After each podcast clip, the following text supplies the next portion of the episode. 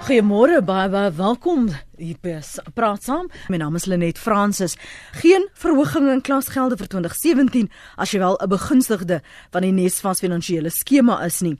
Die minister van hoër onderwys, Blyden Zamande, het wel aanbeveel dat ander studente se klasgelde met 8% verhoog word, eintlik weer teruggeplaas in die hande van universiteite. So hoe uitvoerbaar is die minister se besluit? Kom ek stel gou my gaste aan jou voor.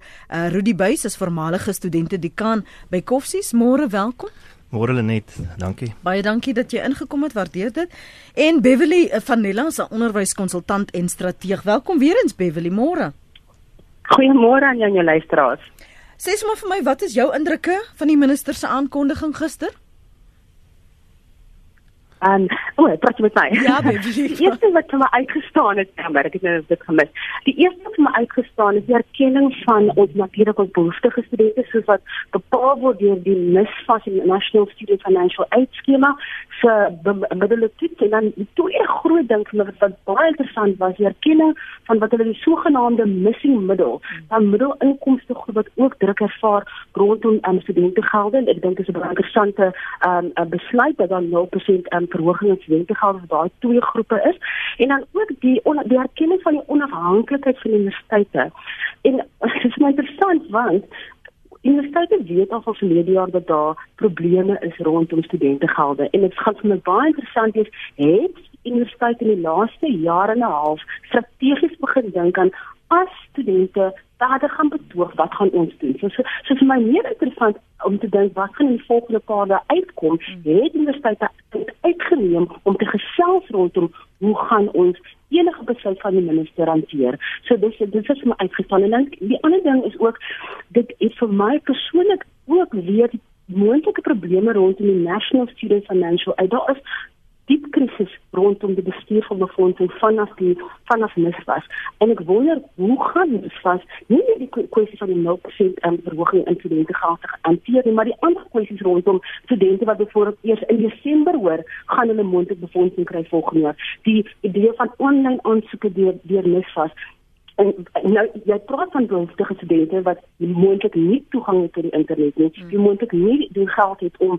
byvoorbeeld kopieë te maak van hulle identiteitsdokumente, salarisstrokies. Daar's vir studente uh, wie ehm um, ehm um, wat Afrikaanse word is offens is, die maatskaplike werkers moet kry wat hulle moet help met aansoeke jy moet ek toegang hê. Ek dink dit klop. Dit klop ehm um, lyne wat ons kan volg rondom die gesprek gesprek ehm um, ehm um, soos wat uitgelig is ja. deur die minister. En en dis wat ons vanoggend wil doen. Dit wil ek wil hê ons moet meer gesprek wees want ons het al mm. die afgelope jaar sedert ons die aanvang van hierdie protesoptogte gehad het, uh, die verskillende argumente gehoor, maar die implikasies mm. daarvan en die uitvoerbaarheid daarvan. En mm. ook jy is voet op die grond. Jy beweeg tussen hierdie uh, instansies, selfs met Rudy het kontak daar.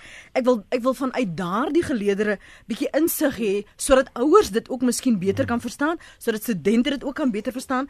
Want dit klink tog vir my asof dit die hele tyd hier Rudy gaan oor my belange. Hmm. Universiteit wil hulle sinne beskerm, regering wil hulle wil wil sê hier is ons staan net die water nou hmm. en studente wil sê maar dit is wat ons wil hê en ons gaan nie tevrede ja. wees nie.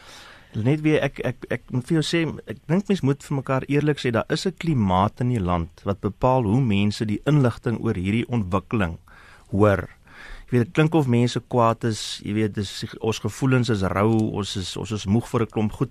So wanneer daar skuwe gebeur rondom goed soos klasgelde en fooie en dis meer dan jy weet ons ons ons is op ons agtervoete, jy weet ons is ons hoor op 'n sekere manier. En dit is belangrik om bietjie net jou net so bietjie terug te gaan en sê okay, waaroor gaan dit hierso? In ons land dink ons op hoër onderwys op 'n baie bepaalde manier. Ons sê eintlik dis 'n samewerkende ding, dis 'n vennootskap.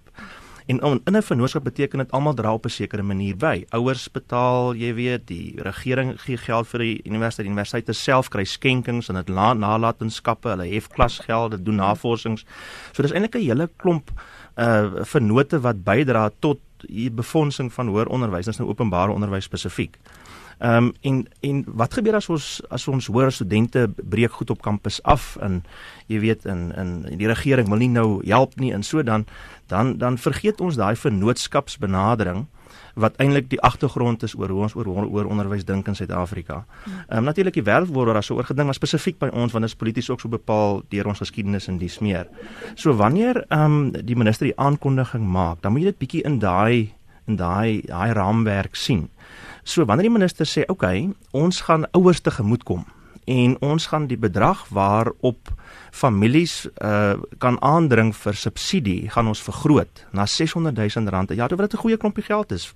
Baie van die families wat gevoel het, maar ek is nie arm genoeg nie, jy weet om te kwalifiseer vir NSFAS nie en hmm. maar ek is nie genoeg geld om om regtig hierdie uh, fooie te dra nie. Ek moet maniere kry om dit te doen. Word nou gedek deur hierdie groter bedrag. Dis wonderlik, jy weet. Um, en so dis 'n baie groot uh, uh stap vorentoe. Dit beteken dat alle studente wat van families wat onder 600 000 600 000 jaar uh, inkry betaal nie meer volgende jaar nie. Hulle betaal dieselfde fooie as verlede jaar, as hierdie jaar en dis 'n wonderlike wonderlike ding. Universiteite, jy weet, as 'n volgende vernoot by families, ehm um, en hoe ons dink aan universiteite, ehm um, het natuurlik die probleem dat dat sodra jy jou autonomiteit om self te besluit oor jou sake, soos jou geld, opoffer, dan dan eh, raak dit gevaarlik vir hoe vry jy jou akademie kan doen, jou navorsing en watse idees jy, gevaarlike idees selfs kan ontwikkel. En daarom is autonomiteit so belangrik. En wat nou gebeur het is dat universiteite eintlik die goeie nuus gekry het dat hulle moet besluit oor die fooie wat 'n baie belangrike, jy weet, wen is mm. vir autonomiteit van universiteite. Maar, maar die probleem daarvan is dat hulle moet nou pa staan vir studente wat kwaad raak vir die fooie wat gehef moet word ten einde dosente te betaal. En dis 'n probleem waarmee sê dis 'n dis nou regtig 'n probleem wat amper onoplosbaar is. Al hoe jy dit kan oplos is wanneer daar werklik 'n samewerkende kultuur in besluitneming by universiteite is. Nou ons is gereed daarvoor. Daar's baie sterk alumni ehm um, uh, strukture by universiteite gewoonlik. Daar's konvokasies. Jy weet van mense by die universiteit wat betrokke is. Daar is vakbonde, jy weet die bestuure, die studenterate. Ons het die strukture wat so bietjie kort is die gevestigde kultuur en prosedures en prosesse van hoe ons voortdurend samewerkend besluit. Elke universiteit volg amper sy eie stelsel daaroor. En dis mense verstaan dit, maar dis 'n bietjie waar in die rigting waar mense dink. So ek dink eintlik aan hierdie aankondiging is daar meer goeie nuus as slegte nuus. Natuurlik vat dit nie probleme weg wat ons in die gesig staar nie, maar dit sê eintlik die die die regering het nou gesê ons keer terug eintlik na die autonomiteit van universiteite. Ons sien die gevaar daarvan. Maar ons gee ook vir 'n baie belangrike vennootskap uh, vernoot in die proses naamlik families ja. gee ons ekstra uh, ondersteuning en en dit is goeie nuus. Daar's al probleme waar ons nou kan gesels, maar ek sou dit so benader in, in hoe ons hmm. daaroor dink. Ons kan nou-nou praat oor die probleme wat jy uh, voorsien en vir al die punte wat Beverly na verwys het, uh, die strategie of daar al ooit uh, die laaste ruk 'n strategie in plek was, die moontlike probleme, die bestuur van befondsing, die probleme wat ons ook al geoor berig het uh, by Nesvas. Kom ons hoor gou eers wat het anoniem in Bloemfontein op die hart. Goeiemôre. Môre Lenet, weet jy, ek hoor wat daar gesê word, maar wat my skrikkerig stem is, en skuis vir Engels, dis die entitlement mentaliteit. En wat my bang maak is wat gaan dit doen wanneer dit oorspoel in die werksplek, wanneer hierdie studente deurkom in die werksplek en en en hoe dit ons dan gaan beïnvloed? Want ons daar daar moet gesprek wees. Ek hoor dit, ek stem saam daarmee. Maar ehm um, ek Ja, ja, ek ek weet ek sal graag hoor wat sê jou gaste Dankie. oor um die invloed op dit vorentoe. Hmm. Ek ek is baie bly dat jy dit noem want die ons wil nie ons in hulle situasie nie. Ons wil hê ons moet kyk na die vrese wat daar bestaan, die bekommernisse wat mense het en dat dit 'n gesprek is. So Beverly, kom ons praat oor die punt wat anoniem hier aanraak. Hierdie skus tog gevoel van entitlement. Uh, ons wil dit hê en ons gaan dit kry en hoe dit die werkskultuur in 'n in 'n 'n 'n werksplek waar jy geklaar gegradueer is en nou moet jy jou eerste job begin, want jy sê happy many pain nie. So nou gaan jy ook sommer nou 'n uh, 'n houding inneem. So so hoe spoel dit oor veral ook gegeewe hierdie kultuur van protes wat ons vir al die laaste jaar en 'n half ervaar in Suid-Afrika. Ja. Ja. Ek dink eerstens ek is ek is baie positief oor oor hierdie generasie van studente om eerlik te wees met jou. Die eerste ding is dat ek werk nou al vir 10 15 jaar, kan ek my my getale onthou nie, maar ek werk met studente vir baie baie lank tyd en vir alles ek kyk na voorheen benadeel studente, breinswart en Indiese studente, wat die realiteit van wat studente die behoeftig is of studente die sukkel om klas klasgelde te betaal, wat hulle ervaar op die elke liewe dag van hulle lewe is ongelooflik moeilik. Ek dink die studente is besig om te protes omdat of op te betoog omdat hulle moedwillig is of hulle entitled is in die realiteit is ek 'n student ek het gister net op op, op uh, Facebook gesien waar waar een swart student wat MBCLB swart hierdie swart by Stellenbosch Universiteit nee vir um um um sanitêre um uh, uh, weet jy toiletries sy kan dit bekostig nie. En sy sit dit op daai studente Facebook uh, blad wat bietjie jy weet kan Marty's confessions. Mm. ek kan ek kan nie my elke my, my daaglikse um uh, toiletries bekostig nie. Ek nie aan 'n Afrikaanse woord onthou vir dit nie. Maar my punt is dat studente is nie net besig met protes uit uit taalkomment nie. Ek dink dat dit ook onder die generasie ervaar is hulle is die mees gemotiveerde mense wat ek kom hier gewerk het. Die gevoel is ek wil graag 'n verandering in my land maak, maar ek sukkel so om met my daaglikse verantwoordelikheid op universiteit te hanteer. Daar's soveel druk op my van my van my familie, van my gemeenskap, van my universiteit. Hoe gaan ek asemhaal om 'n bydrae in my samelewing samelewing te maak? Ek werk ook met on, onafhanklike beursvoorsieners, 'n privaat maatskappy wie 'n um, groot keringsproduksie in plek het om studente te keer. En ek het 'n hele paar van hulle keringsproduksie by by ingesien. Ek kan sê ons studente het soveel strategiese denke rondom watter tipe bydrae hulle wil maak en ek dink is ons verantwoordelik moontlikheid as die student se vernoot, die praktiseerder, die universiteit, uh, die universiteite, die bestuur van universiteite, om dan hoe gaan die studente die beste kans gee om suksesvol te wees. So so ek stem glad nie saam met die luisteraar dat daar 'n kultuur van entitlement onder studente is op hierdie stadium nie. Ek dink ook dat ek agterkom uit by 'n studente wie al klaar gegradueer het. Hulle het ongelooflike stories van wat hulle moes deurgaan om na graad te kry. En ek dink nie ons hoor genoeg van daai stories nie. As jy net 'n paar van ons beesprogramme, byvoorbeeld die Allen Gray Orbis Foundation beesprogram, as jy kyk na die Make a Difference Leadership um, um, Foundation se beesprogram, jy lees daai stories van studente wat gegradueer het, wat werk gekry het, wie 'n um, mentorskap ontvang het. Dit jy, jy kan nie die aanname hierdie generasies word millennials genoem. Ehm um, almal net in taak is. Ek dink daar's 'n baie meer komplekse landskap wat te doen het met ehm um, met die struktuur van befondsing in ons land. 'n Vriend van my, uh, Graham de Bruin was voorheen by um Ellen Gray Orbis Foundation yes. en en, ja. en en net ek was op hulle kantoor en om te sien die stories ja. van hierdie studente en wat hulle hmm. vermag hmm. en toe sy nou praat uh, van hmm. hierdie studente, toe kyk ek na jou want jy het hmm. dieselfde uh, ervaring. Hmm. Jy, jy weet, net ons moet ook nou daaroor eerlik wees. Jy weet die die die fotos wat rondgaan rondom studente protes oor die laaste 2-3 jaar is fotos van geweld. Dis fotos waar goed afgebreek word, dis biblioteke wat mm, brand is ja. en so aan. So daar is ook goeie redes in die openbare ruimte dat mense voel mm. hier is jy weet is self aan jy weet uh, jy vernietigende sindroom ja, wat aan die gang is. Ja, jy weet in so aan in die studente beweging. En dis baie ongelukkig. So natuurlik is ons media gewys gefokus op daai brandpunte. Mense begryp dit, maar dit maak dat daar 'n bepaalde jy weet perspektief is oor wat gebeur. Mm. Ek moet met Beverly saamstem dat dit is nie die gemiddelde nie. As jy kyk na die eerste reaksies wat na die minister se aankondiging, jy weet in die media versprei word uit studente, uit studente stemme uit, is dit baie redelike reaksies. Daar is van die studente leiers wat nou, jy weet, dreig en ons gaan die kampusse toemaak en dis meer. Maar dit is dis maar dis maar bietjie meer as jy weet 'n lawaai. Daar's nie En jy sien dat die dat daar dat die dat dit jy weet so groot uh, so wyd loop soos wat mense sou verwag nie. So ons is 'n bietjie 'n situasie waar ons rede het om te dink hierso is entitlement in die studente is eintlik maar vir hulle self in die game. My ervaring is ook dat dit nie die gemiddelde is nie, maar dit gaan vir studente oor menswaardigheid. So hoe baie moet jy nou regtig opoffer? En is regverdig om op te offer vir jou om jou graad te kry? Wanneer ek nie my sanitêre goed kan bekostig nie, is dit regtig reg dat 'n samelewing dit eintlik, jy weet, wegsteek en nog steeds my vra meer te betaal. Natuurlik, ons almal sal sê dis nie regverdig nie. Maar dit gaan oor basiese goed. Ons kinders wil ons graag hê moet menswaardigheid hê.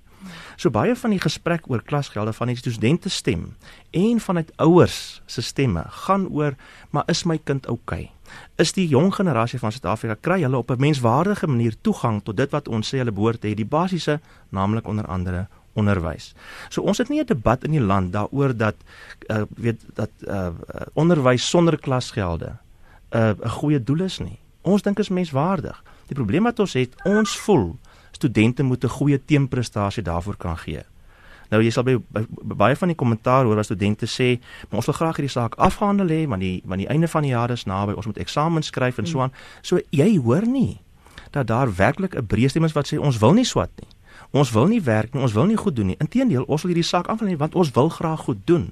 So ek dink daar is onder die studente beweging 'n bewussyn van gee my vry, eh, gee my vat, vat my klasgelde weg hmm. en ek gaan kom. Ek gaan my graad kom vir jou want ek verstaan hoe beter ek doen, hoe makliker kry ek ander beurse, hoe makliker kry ek toegang tot die mark en die mense in die smeer en so voort. So studente is nie dom daaroor nie.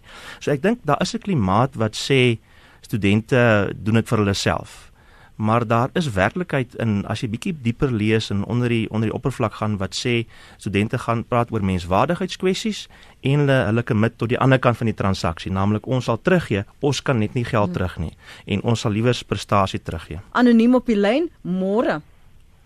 Jy's in die Weskaap. Môre môre net nie gaste. Môre môre. Um, môre môre. Ja ek wil net graag dis maklik om te sê vir die studente ons moet nie klasgelde betaal nie maar my vraag is net die persone wat die klas aanbied, die professore en die en die rektore het hulle daai mense het ook families en en goederes en kostes lewenskoste gaan op per jaar. Ehm um, wat van daai persone se salarisse ek meen ons het 'n staakseisoen in in, in Suid-Afrika. Dit is my kommerwekkend om te dink dat hulle verwag van 'n persoon om verniet voor hom te gaan staan en hom die beste opleiding te gee. Ehm um, ek dit maak nie my sins nie. Ek sou graag ek sou luister op die radio verder. Baie dankie. Baie dankie anoniem.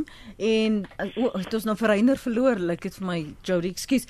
Is dit Reiner of Renier asseblief as jy kan terugbel, sal ek dit waardeer. Uh, ons praat ver oggend hier en praat saam oor die nuwe gesprek. Daar as jy ry op uh, sekere paaie is daar reeds protesoptogte. Sommige van die hekke by sekere universiteite, die is al reeds gesluit. Daar is nie klas nie want hmm. studente is ongelukkig. Ek wil dit gou terugvat na 'n paar dinge wat jy gesê het in vir Beverly vra. So nou die die werk wat jy doen sê vir my die impak van hierdie beurse en en hierdie lenings maak dit werklik 'n verskil bring dit 'n mm. mate van verligting druk van ouers se se skouers af mm. want almal het hulle versier en so belê en was so afhanklik van 'n nesvas mm. byvoorbeeld tog is daar ander bronne wat jy ook kan kan hulp by kry mm. Ja, ek dit is my baie interessante gesprek want in die laaste, ek dink vir 10 jaar, het die bydrae van die private sektor spesifiek tot onderwys en in die sekondêr en hoër onderwys is iets soos in 2015 iets soos 8.1 biljoen is bygedra tot onderwys. Dis die heel eerste punt wat ek wil maak. Die tweede punt is ek dink in die is in South African uh, Recruitment Association se verslag um op dieselfde tyd, ek dink 2014 um vrygestel waar 2300 beurse onder 41 maatskappye um jy weet versprei is. Ek wil 'n bietjie dieper gaan kyk na die profiel van die studente wie die wie die beurse kry wil dit vir my voorkom dat eerstens dit is natuurlik die die die uh, uh, uh fakulteite waar daar die meeste behoeftes is so van ons aanvaardigheid soos jou ingenieurswese, jou mediese vak en so meer. Maar as ek kyk na die diversiteit dan dan is 8,60% van die studente wie die wie die beurse kry is wit studente. Dis 'n baie wat 'n baie interessante skokkende ding vir my. En dan die tweede net gou terug gaan na die idee van 0% um ehm um, jy weet studente geldverhoging daai 600 000 rand ehm um, ehm um, beperking. Die wie gaan uh, in realiteit bevoordeel word. Ons moet ons waarde vra oor dit. Op hierdie stadium verdien iets so 60 tot 70% van Suid-Afrikaanse Suid-Afrikaanse breinswart en inderwerkers iets soos R3000 'n maand. So almal van meeste van ons Suid-Afrikaanse breinswart en inderbevolking val binne die misvas ehm um, uh, jy weet finansiële behoeftes. Nou gaan ek terug na die beursgesprek. Daar's 'n kompleksiteit oor die keringstogprosesse rondom beurse in ons land is ehm ehm maatskappye kompeteer hard om die beste te kry en hulle is nie besig noodwendig om te kyk na hy is ons besig om dan middelgroep studente help wat is in 60 en 70% gekry het op op skool nie. Dit is ons soek die 80% 85% plus student en hy moet kompeteer binne verskillende keringsklasses en dan moet hy sekere vaardighede hê as as hy arriveer by by, by ons kompetisie, ons keringskompetisie en as jy dan kan aankom byvoorbeeld as jy aankom as 'n plattelandse student wie byvoorbeeld nie Engels kan praat nie en jy deelneem aan 'n Engelse keringsproses en jy moet aanvrae beantwoord rondom jou leierskap of ervaring, jou sportervaring, jy kom uit 'n voorheen benadeelde skool. Ek kan net sê ek het 'n paar slegte stories, ervarings van van hierdie keringsprosesse van ons beursprogramme programme in die land. Ek dink ook daar is wel sterk bande tussen universiteit en privaat maatskappye om ten minste beurse te bemark. Maar ek dink ons moet baie harder en duideliker hmm. gesels rondom waarmee is maatskappye besig as hulle hulle beursprogramme bemark en hmm. keringsprogramme in plek kry. Hmm. Programme soos die Allen Gray Orbis Foundation, Make a Difference Leadership um en Sally before in Kaapstad wat spesifiek kyk na na 'n lae-inkomste um, families Ek dink dit is 'n baie sagter um, manier om hierdie keringsprosesse wat in plekke te hanteer, maar ek dink tog daar is daar is jy moet basies is om eerlik met jou te wees. Jy moet basies as jy regtig goed in daai keringsprosesse wil wil wees, jy jy basies in 'n X-model C of 'n privaat skool as 'n breitswart of 'n student gewees het om eerlik te wees met jou. Dis 'n harde feit wat ek nou hier deel op radio. Dit is die, ja, want by die Universiteit van die Vrystaat toe jy nog daar was as studente die kan, daar is 'n beeld van die tipe student wat vir ons as 'n universiteit goed gaan verteenwoordig hmm. en goed gaan bemark. Hmm. Jy sien die gesprek gaan, jy weet in die, in in hoër onderwys formeel gaan oor graduate attributes. Jy weet jy weet wat is die mm. eienskappe wat 'n gradueer nou het. Maar goed, die vraag is jy jy raak nou eintlik so 'n bietjie aan die aan die universiteitskultuur, wat is die mm. prentjie in die koppe en so aan. Ek moet dan net vir Beverly sê, jy weet ek mens moet ek dink meer genuanceerd praat wanneer jy die die die jy weet die lyne kruis rondom die rasdinamikas binne statistiek en binne beleid en dis meer teenoor die die beweging vir klas jy weet klasgeldvrye onderwys en so. Jy weet dis uh, mens moet genuanceerd kyk na uh, wanneer jy sê swart wit brein uh, ag swart uh, uh, brein in Indië studente val in 'n sekere mm. bracket en wit studente val in. Nou ek weet dis nie presies wat sy sê nie, mm. maar maar dit, dit ons ons moet meer genuanceerd daarop pad en, ek, en een van die probleme wat ons het in die hele beweging vanaf Rhodes Masvol en dit deurloop na Fees Masvol toe is dat jy swart studente sien optogte hou en wit studente staan langs die kante en ondersteun hulle. Dis nou die ally rol. Jy weet jy ja. nou jy ondersteun maar jy's nie deel daarvan die tipe van ding. En dit het daai persepsies net sterker gemaak dat wit studente het nie die probleme die probleme is swart studente sin. Nou die statistiek wys dit natuurlik dat die meerderheid probleme en uitdagings vir studente is vir swart studente in die breë nou. Maar dit is nie die enigste werklikheid nie. So wanneer uh, wat ek dink baie goed is in die beweging vir vir Fismas vol op die oomblik is dat dit so bietjie die die rasse kwessie, jy weet, verby dit gaan. En sê maar dit gaan werklik oor hier 'n samelewing dink oor hoe ons opvoeding doen.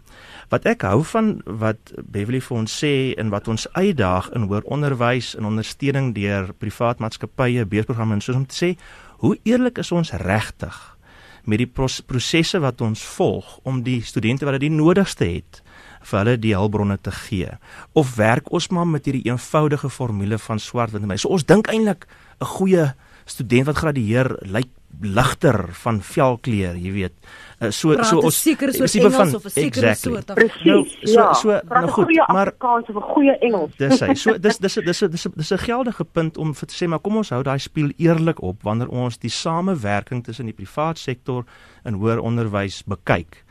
Maar jy moet jouself herinner om genuanceerd daaroor te praat want jy kan nie op grond van persepsies praat jy moet sê en kyk maar wat is die werklikhede? En daarom is dit baie goeie werk om te kyk na beesprogramme. Dis natuurlik die een kant van die oplossing waarvan ons praat vir befondsing en oor ons moet sê wat ons in Suid-Afrika nog nie duidelik gevestig het nie is 'n nasionale geldige en 'n wyd ondersteunende instrument wat hierdie verhouding vir befondsing tussen die privaat sektor en openbare hoër onderwys kan bestuur. Nou natuurlik gaan die presidensiële komitee dit nou vir ons waarskynlik voorstel en dis meer, maar die punt is ons het nog nie dit. En dit is 'n baie belangrike stap in die ontwikkeling van ons demokrasie om te sê wat 'n samewerkende volgende meganisme kan ons skep wat eintlik hierdie befondsingsprobleem oplos. Mm. Want dit is eintlik waar die geld ten meeste op die oomblik lê. So kyk universiteite kry gelde hoofsaaklik van studentegelde af, jy weet uit eie en dan en dan van regering af.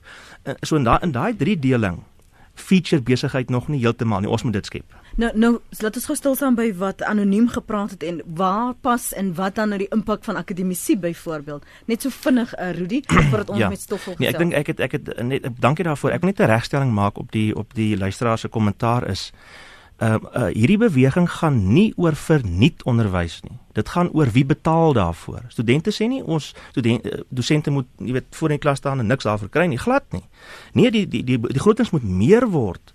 Dosente moet meer betaal word, navorsers moet meer kry. Die vraag is wie betaal daarvoor? Waar kom die geld vandaan? En dit is waar die debat gaan. So daar gaan nie 'n situasie in die toekoms wees waar waar jy vir vrywilligers werk met klas gee nie. Nooit nie man. Natuurlik, jy weet, dit is dit gaan oor waar gaan ons die geld kry om jou te betaal wanneer jy klas gee. En natuurlik vir vir vir vir, vir akademici, dosente self in my ervaring, jy weet so dosente sal enigiets vir hulle studente doen ongeag hoeveel betaal word wanneer studente met hulle saamwerk goed presteer saam met hulle kennisvennote word en werk in dies meer. So daar's ander dinamikas rondom klas gee, rondom merk, rondom navorsing doen as net die geld wat jy betaal word.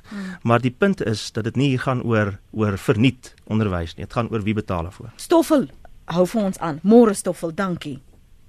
Hallo, goeiemôre. Is uh al- Hallo, Ja Stoffel. Kan ons maar praat. Ag, hoor ek so vir wat vir my kom dit net weer uh uh, uh wat die hele stelsel op 'n regstellende uh, wat aksiestelsel. Ag, 'n mens onthou waar my kind gaan en hy studeer vir ingenieurswese en hy het 'n vreeslike lening op die eind van die dag, 4-500 000 rand. Die volgende een wat gaan en hy uh uh, uh, uh, kry gratis opleiding. Op die eind van die dag as hulle albei hulle graad het, dan verdien hulle presies dieselfde salaris. My kind sit met 'n enorme studielening wat hy moet terugbetaal en die volgende een hy hy hy hy hy het, hy het geen skuld nie. Dis vir my net 'n 'n kwessie van regstellende aksie weer. Goed Stoffel baie dankie. En anoniem in Nelspruit daar op Nelspruit môre. Goeiemôre Lenet. Môre. Lenet, ek wil net 'n paar punte maak. Ek kom uit 'n baie arm wit gesin. Ek weet wat is dit om te wil studeer en jy het nie geld nie. Weet jy wat het ek gedoen? Ek het self agter die skool uit gegaan. Ek het 'n korrespondensiekursus geloop, ek het my matriek gemaak. Ek het by Unise ingeskryf. Vandag sit ek met 'n BCommoneursgraad. En die dag het ek gewerk en die aand het ek studeer. Ek weet hoe moeilik dit is. Nou wil ek 'n voorstel maak. Almal van ons wat grade het, alhoewel hoe moeilik ook al, kan kan ons nie almal net 'n 10 rand of 'n 20 rand bydra maak nie in hierdie land nie vir die kinders wat glad nie eers kos het om te eet nie, wat ook nie 'n plek het om te bly nie. En ek wil net vir hulle sê, gaan studeer by Unisa. Jy kan jou graad kry as jy regtig wil leer, dan kan jy leer sonder om by die universiteit vry uh, studie uh, uh, uh, te kry. Dankie anoniem. Nee, miskien net vir baie van die luisteraars wat dalk die persepsie het uh, dat die Nesvasbeer is, is mahala. Jy moet hom terugbetaal. Dis net hulle sukkel om studente te kry, want die studente nadat hulle gegradueer het, kry nie werkie, sukkel om terug te betaal, het van 'n posisie gekom waar hulle niks gehad het nie, waar het hulle nou om terug te betaal? So dis nie mahala nie. Jy het 'n verantwoordelikheid. Daar's ook nie 'n kwytskelding nie. Ek moet net dalk daai punt maak. Paul in die Kaap môre? Hallo Lenet en jou gaste. Ehm um, ek sit op hierdie stadium met 'n meisiekind, sy swat chemiese ingenieurswese. Uh tweede jaar in in in in, in uh, by die pik op uh Potchefstroom. Nou sy het oor die 80 gemiddeld gekry in matriek. Sy het onder andere 93% gekry vir wiskunde. Sy's te wit om 'n beurs te kry. Sê vir haar reg het ons het oor die 40 uh, plekke by aansoek gedoen. Die e-poste kom terug. Sorry, ons is slegs vir vir anderskleuriges. Jy kwalifiseer nie. Ek is opgewonde met dit gesê oor die aankondiging wat Blydens Amande gemaak het. Ek meen op hierdie stadium sit ek in die in die verlore middelklas, so ek gaan nie 'n verhoging kry volgende jaar nie, maar ek sit met 'n tweede meisiekind op universiteit volgende jaar. Die die punt wat ek wil maak is dis maklik om te sê gratis onderwys en ek meen daar kan baie redenasies wees hiernatoe en daarnatoe as ons nie SAL moet uitbuil nie, dan is daar geld om gratis onderwys te doen. Maar ek dink nie dit is waaroor dit gaan nie. Dit moet gaan oor die student wat kant bring. As die ou nie deurkom nie, gee hom 'n 20% verhoging op die vak wat hy moet herhaal. Die ou wat deurkom, sy volgende vak kan hy verniet kry. En en ek ek dink dit sal ook 'n motivering wees vir die mense om te sê maar ek is daar om te leer. My kind op hierdie stadium het allerlei los werkies wat sy moet doen om vir haar sakgeld te kry. sy onder andere vertaal na klasse en waar sy aangestel is om te kyk of sy nie so 'n paar rand kan inkry om vir haar sakgeld te betaal nie. Nou dit is nie 'n ding wat wat onmenslik is nie. Ek het ook moes werk terwyl ek geleer het. Maar ek dink die kultuur van alles wat gratis moet kom is is 'n probleem, maar aan die ander kant verstaan ek ook dat indien daar minder korrupsie in die land is, is daar geld en daar is fondse om vir van die mense te kan help en te kan voorsien um, met hulle onderwys vorentoe. Paul, baie dankie vir jou oproep. Mm. Ons waardeer dit. Mm. Ek gaan nou-nou vir julle albei geleentheid gee Beverly en Rudy om te reageer na aanleiding van ons oproepe. Van net by ons luisteraars se sosiale media kom. Uh, Anoniem sê ek het nog altyd gewonder die geld wat ons vir ons kinders wat duisende rande beloop, wat word met dit gedoen as jy neem 'n gemiddelde student se onkoste is ongeveer 80000 maak jou somme per student. Wat word van die geld? Dis vrek baie geld en ek as student het my graad gekry en weet verdomp nie waarvoor ek betaal uh, het ek betaal nie. Ek moes self my boeke betaal, my afskrifte, my kos, my kos, huisgelde, alles moes ek betaal. Waarvoor gaan die klasgelde eintlik? En dan sê verskewe my, Amelia, my liewe wêreld Lenet Daar is 'n gees van entitlement, entitled tot gratis studie, gratis mediese koste, gratis skole, gratis elektrisiteit, gratis water en wie moet betaal? Ons, die belastingbetalers. Eerens moet daar tog 'n mate van logika inkom. Anoniem uit die buiteland wat 'n uh, eh, ene ore luister op die internet skryf hy of sê ek is kwaad ons moes albei ons seuns deur universiteit sit op ons onkoste wat bloedgeld was. Nou wil almal vry universiteitgelde hê. Hoekom moet ons opdok terwyl daar so gevra word vir vrygelde? As jy wil verder studeer moet jy eerstens daarvoor kwalifiseer as gevolg van jou skooluitslae en dan of jy dit dan diensooreenkomstig kan befonds. Anders moet jy indien punte dit toelaat dan aansoek doen vir 'n beurs. Ook toelating tot koshuise om verder te studeer is 'n voorreg en nie 'n reg nie. Dan sê Connie kan die gaste moontlik uh die posisie in ander lande uh, uh beskryf uh, word gratis onderwys skool universiteite verskaf en watter kriteria word toegepas. Nou julle dit is 'n mond vol, dit is nou net op ons webblad. daarmee saam wil ek gou byvoeg. Die openbare beskermer Tuliman Onsela sê studente by tersiêre instellings word steeds aan maatskaplike ongeregtighede blootgestel. Ons het daaraan geraak. Hmm. Sy sê die regering het nie in die land se onderwysstelsel belê nie. So waar hmm. laat dit dit ons dan as ons praat van hierdie vennootskap wat daar moet bestaan? Wag Rudy, hmm. laat ek gehoor wat sê Beverly. Jy lig aan mekaar. Beverly? Ja. Ek ja, ek wil teruggaan na die een die ek ek, ek dink ons moet iets sê oor universiteite net om te begin uh, met, met op my kommentaar. Is eerstens universiteite het sisteme alreeds in plek onafhanklik van privaat maatskappye wat studente ondersteun. Een voorbeeld wat ek het is een universiteit wie omtrent 70% van sy dreinswart en studente eerstens ondersteun finansiëel deur werwingsbeurse. Die die werwingsmark by universiteite is ongelooflik. As jy gaan kyk na loopbaan daar hoe die uh, uh, maatskappye en universiteite saamkom om hulle self te bemark maar so ons 80% studente word baie hard voorgewerk by universiteite. Op die tweede het ek ook agterkom baie universiteite het fin finansiële behoeftigheidsskemas onafhanklik van NSFAS en ons ons ons vernote het as ons vernoot as universiteit het strategieë in plek maar het ook werk wat hulle moet doen rondom hulle net, netwerk. En ek kyk terug na die kommentaar van kan ek 'n 10 rand byvoeg as as Gadiandi van my universiteit byvoorbeeld? As 'n strategie. Hoeveel werk word ingesit om om regtig terug te gaan na ons alumni netwerk en kyk kan ons meer fondse kry om um, om studente te befonds. Dit is my my eerste kommentaar.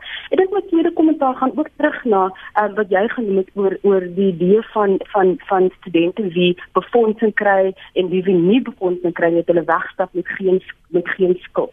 Hier is dit ongelooflik om te sien. Ek het in die laaste ruk dopgehou hoe baie van ons gegradueerde studente wie byvoorbeeld op NSFAS gestudeer het, wie nie werk kry nie, wie wie wie hierdie 50, 60, 100 000 rand skuld op hulle het, um na 3 of 4 jaar van, van studie. Ek dink ons het, ons moet self daaraan begin aandag gee wat gaan gebeur met daai studente? Wat gebeur as studente by die universiteit sit en nie sy graad gekry het nie? Wie op NSFAS geswat het en nou einde van die dag meer as 300 vriende van ons geskuld het. So ek dink dat dit is nou dis nou klomp goed wat ons dan aanraak, maar ons gaan moet begin kyk na strategie en ons gaan moet saamwerk as privaat, as praktiseerders, as universiteite en as die individue sê ek het 'n graad, ek wil graag 'n bydrae lewer. Maar een van ons groot ehm ehm ehm ehm ehm verantwoordelikhede lê by universiteite om strategies te dink en dan strategies uit te reik. Beverly, ek weet jy wil reageer Dis reg. Rudy. Dit is vir my die vreemdste ding ook Rudy da. Ons het hierdie kommissie gehad wat veronderstel was om tog ook innoverend te begine kyk, om rigtinggewend te wees. En al wat ons Ja. nou het is dat dit letterlik teruggeplaas in die hande van Ja. universiteite en sê Ja. solf julle dit maar, los julle dit op.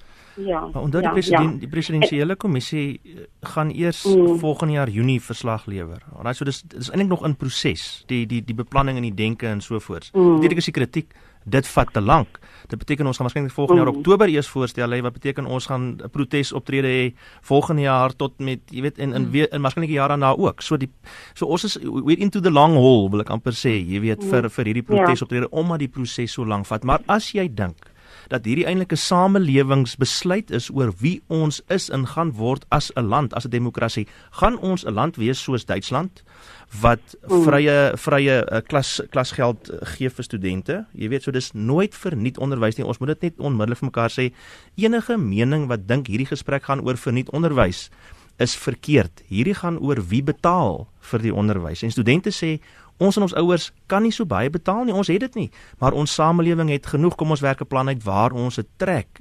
So dit gaan nie oor verniet onderwys belangrik om te sê. Maar goed, ons as 'n samelewing moet besluit in in die in die in die in die in die raad van samelewings reg oor die wêreld is gaan ons een van daai samelewings wees wat wat dit moontlik maak dat daar nie klasgelde is vir studente nie net soos Duitsland en daar is 'n paar ander ook Brittanje Amerika wat die grootste is en so aan het nie het dit nie.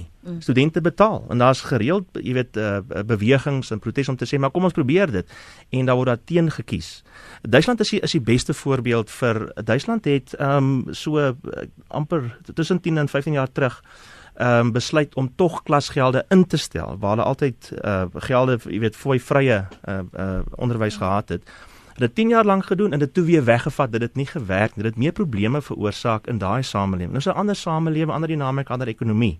Maar daar is voorbeelde en so aan. Die feite is binne ons huidige ekonomie kan ons dit nie bekostig nie. En dis waarom dit so brandpunt is om te sê, okay, ons weet ons kan dit nie bekostig om dit om om dit om dit regtig uh, fooi vry te maak nie, maar waar gaan ons die geld bymekaar trek? Dit gaan oor die regverdigheid van waar daar die potte is en ons daai potte belyn en dis waarom dit 'n kwessie is dat korrupsie hoog is en dat geld nie reg aangewend Gewend word en dat die prioriteite nie reg is nie en so aan. Dit ek nog by ook by sê dit gaan nie hier oor ehm um, oor verniet of of jy weet vry v, nie betaal nie vir alles in die samelewing nie. Dit gaan spesifiek hier oor 'n baie belangrike deel van hoe ons ons samelewing bou, naamlik op uh, onderwys, opvoedkunde. En dan spesifiek daai deel van opvoedkunde waar jou innovering lê, waar jou leiers ontwikkel word en so voort vir die samelewing wat hoër onderwys is. Want dis hulle op wie Dit ons gaan ons oor daai toekoms gaan spesifieke skoei. groep om te sê en ons aan samelewing moet bietjie teruggaan en vir mekaar sê, oké, okay, as ons nou die trotse Suid-Afrika wil bou, waarvan ons droom en al lank gedroom het. Hoe kry ons dit reg? Dit beteken ons moet jong generasies bou wat goeie burgers is, wat on top of the game is in terme van hulle dissipline, hulle prof, hulle professie en dies meer en daarom behoort dit eintlik ons hoogste prioriteit te wees. Die ongelukkige ding is dat ons in vergelyking met groot lande, jy weet, in onderwys nie naaste by genoeg van ons bruto produk spandeer aan onderwys nie. Ons is agter in daai game. Ons behoort dit te verhoog en dit is moontlik. So Beverly, nou het jy die geleentheid om as strateeg 'n voorlegging te maak en te sê hierdie is eintlik die die kwelpunte. Hierdie is die kwessies, hierdie is die die oplossings wat ons moet oorweeg want jy het net nou gesê jy hoop die universiteite het sedert ons die protesoptogte gesien het al beginne strategieë oorweeg, al beginne dink so wat as dit nie gebeur nie, wat gaan ons doen? Waarom val ons terug? Hoe maak ons seker ons lewensaar word nie totaal en al afgesny nie?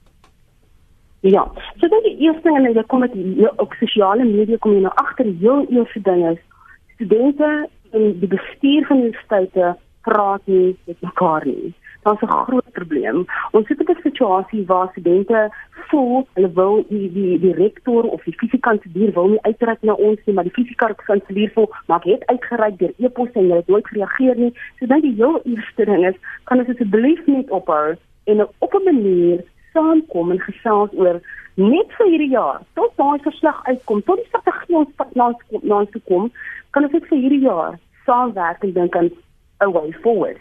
Die eerste ding is van terug na ons eerstens ons werwingskantore, wat is hulle rol ten opsigte van die voorbereiding van van voornemende studente en hulle ouers vir beurse, vir lenings, vir uh, ek aansoek by 'n bank vir verdere finansiële ondersteuning? Dis heel eerstens, wat gebeur by jou werwingskantoor? Die tweede ding is hoe lyk jou toelatingsstrategie as universiteit? Kom ek kyk gou mooi na jou getalle, kom ek kyk gou na jou sosio-ekonomiese. Nou die implikasie daar is, het universiteite op hulle aansoekvorm op hulle toelatingsstelsels genoeg telde ingewerk om uit te vind wie is die, die student wie na UCT Stellenbosch Universiteit IVK te gaan. So jy dis dis my tweede. Die derde ding is om kyk na okay, binne jou fakulteite want dis ook ek dink jy uh, baie mense besef net maar fakulteite het ongelooflike baie werk om hulle studente te ondersteun. Daar is weer 'n onderrig spesialiste wat in fakulteite is. Jy nie vir studente, ek het 100 studente 50 van my studente sukkel finansiëel. Ons het kontak met die private sektor kom ons kry finansiële ondersteuning ook na ons besigheid kantoor, wat is die drukpunte daar? Hmm. Kom ons gaan kyk, ons het finansiële behoeftigheidsfondse, ons het in vas wat wat wat ons die fondse gee, ons het ook dan 'n privaat maatskappy. Hoe gebruik ons hierdie fondse strategies? Ehm um, so ek dink daar is daar is verskeie ehm um, maniere om hierdie ding aan te pak en dan ook natuurlik jou studente gemeenskap. Ek dink wat ek ook agtergekom het ehm um, in die verlede jaar se veldtogte is hoe studente saamkom om mekaar te help waar daar byvoorbeeld 2 miljoen rand per universiteit as weet binne ek dink 2 of 3 maande se se aktiewe ehm um, ehm um, werk om onsself uit te help en ons behoeftige studente uh, gemeenskap uit te help. Dus ek dink daar's klomp geleenthede om hande saam te vat en goeie werk te doen. En dis wat ek verwag van die universiteit. Ek verwag van die universiteit om verlede jaar al en voorvrede, want kyk onthou, ons het begin met kom ons transformeer ons universiteite. Stap 1. Kom ons skryf 'n transformasiebeleidsdokument. Stap 2. Nou dit ook 'n taal. Kom ons veg die taalstorie goed uit. Mm. Kom ons skryf 'n taalbeleid. Ons dink ons moenie ons moenie die die, die, die geen fooi of die studente geld kwessie hanteer as ons nie strategies kan dink nie. Die universiteite moet leierskap toon. Dit is hulle is onafhanklik onafhanklik hulle is op op as die Afrikaans woord vir dit autonomous. Mm. So kom ons werk saam. Ons wil die onafhanklikheid hê. Ons wil leierskap toon. Doen dit. Maar jy begin met kyk na na al die verskillende afdelings van 'n werwing reg deur na toelating, jou beursenleningsafdelings, jou fakulteit uitdra en kyk of jy meer daarvan kan maak nie. Daar's ongelooflike projekte wat ook op die universiteit aan die gang is buite die universiteit se se jy weet sentrale plekke mm. so besig en jy afdeling daar's byvoorbeeld projekte so Saterdag skole wat spesifiek werk in gemeenskappe om studente te ondersteun in hulle matriekjaar wie ook werk om finansiële um, ondersteuning vir daai studente te kry om universiteit te, te gaan. So ek dink dat daar is ook baie goeie positiewe tekens in hierdie stelsel op die oomblik. Ons moet ongelukkig nou afsluit, maar ek wil tog vir jou vra om om te reageer op wat Beverly sê en ook die pad vorentoe want die gesprek is nog lank nie klaar nie. Maar weet jy wat waar ja. wat, die onafwesige stem is dat ek sou dink daar 'n uh, sterker reaksie vanaf ouers sou kom om te sê dankie ons sal dalk vir die volgende 3 4 jaar bietjie kan asem skep gegee die ekonomiese uitdagings dit gaan swaar en hulle is stil. Aanvanklik met die met die optogte was daar enkele ouers wat gesê het, maar ons voel dit en ons voel ons moet in solidariteit met ons hmm. kinders staan. Natuurlik het is die die die hele veldtogte uh, uh, baie van dit is gekaap. Hmm. Hoekom is daar? Weet net, kom ek sê vir jou, ek um, my gevoel is dat leiers in hoër onderwys en ek praat nou binne die nasionale organisasie sowel as by die universiteite self. Ek dink dit is regtig tyd dat ons bietjie 'n stap terug neem en sê, "Oké, okay, ons beklei nou 'n klomp goed en ons werk aan 'n klomp goed, maar kom ons stop net. En ons het bietjie van 'n nasionale konvensie nodig. Ek het vroeër voorgestel studente het dit nodig vir stu mm. om studente protes anders te hanteer. Dit is waar.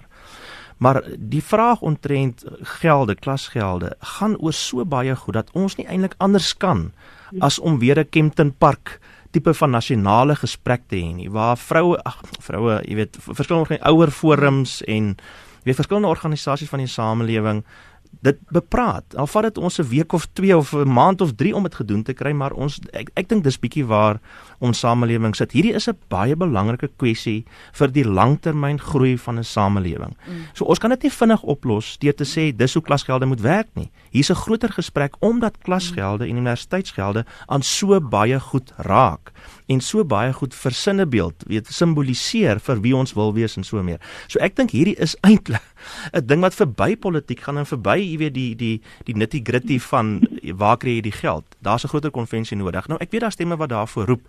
Ek dink dit word ernstig genoeg nie. Nee, ek dink dis die tipe van leierskap wat ons nou nodig het. Mense moet daar eerlik wees. Universiteitbestuure het 'n onbegonne taak om te gelyk die druk van die studentebeweging te hanteer, die druk van vakbonde en dis meer in terme van jy weet actual inkomste vir vir families en dis meer en om akademiese program te handhaaf om op die wêreldvlak te kompeteer. Dis dis 'n baie groot projek en ek dink ons doen goed om die goed te hanteer. Maar ons moet so 'n bietjie geduld hê wanneer ons voel leierskap het nie regtig genoeg visie nie, want dit is 'n vol, jy weet, pak om te dra. Maar die feite is ons het bietjie van 'n nasionale gesprek hieroor nodig en dis nie, jy weet, dis nie 'n filosofiese ding nie. Ja. Dis dat ons het ooreenkoms nodig oor hoe hierdie goed hanteer kan word Baie en dit sal visionêr wees. Mm. 30 sekondes van jou kant Beverly en dan sê ek vir jou Kobai. Baie dankie. Ek dink eerstens ons is op 'n op 'n in die land. Ek dink ons gaan almal einde van die jaar post traumatic stress um counseling moet hê. Ek dink ons moet almal probeer net asemhaal en net ondersteun waar ons kan so ver ons kan om te weer die positiewe stories ook buite te kan te bring waar daar bydraes gemaak word deur die private sektor, deur universiteite wie ongelooflik hard werk om vir studente toegang te gee, om toegang te verbreek so ver as moontlik. Mm. Ek dink ons moet hande klap vir waar waar mense verligting gaan kry dan 0%. Ek dink ook ons moet 'n bietjie dink aan hoe kan ons eers ons behoeftige studente verder uithelp um, rondom die situasie by NSFAS, situasie van aansoeke en ek ja, ek dink ons, ons gaan maar net hierdie jaar ons oop toemaak deur druk en dan volgende 'n bietjie verder weer druk, maar ek sien 'n baie goeie uitkoms mm. vir ons land ten opsigte van hoër onderwys. So elke ander voorbeeld hoe ons transformasie hanteer het, ja. ons het taal debat hanteer. Ek dink dat ons ons het al reeds bewys in die stelsel dat ons goeie werk kan doen rondom rondom harde kwessies. Ons gaan nog baie hieroor praat. Ons gaan nog baie van hierdie groter gesprekke op die tafel plaas. Ek en Jody het nie planne nie. Ons gaan hard werk want ons praat nou die afgelope 2 jaar van dat ek en Jody saamwerk dat ons hierdie groot konferensie moet reël. Mm. Veral omdat hierdie onderwyskwessies, transformasie die hmm. klein um, brandpunte wat ons sien opskiet dit sê maar net weer daar's iets fout en ons hmm. gee nie daaraan aandag nie. So ek en jou die ja. gaan hard werk en julle moet help verborge dat ons tog maar 'n groot buite uitsending het en dan sal ons vir julle ook nooi. Dankie dat julle ingekom het. Dankie, dankie Beverly Vanella, baie dankie aan Rudy Buys. Jy's baie welkom om weer ons potgooi af te laai. Gaan net na rsg.co.za, soek vir oggend se praat saam en beluister dit net weer vir jou eie uh, uh, wins en natuurlik ook om saam te kan praat.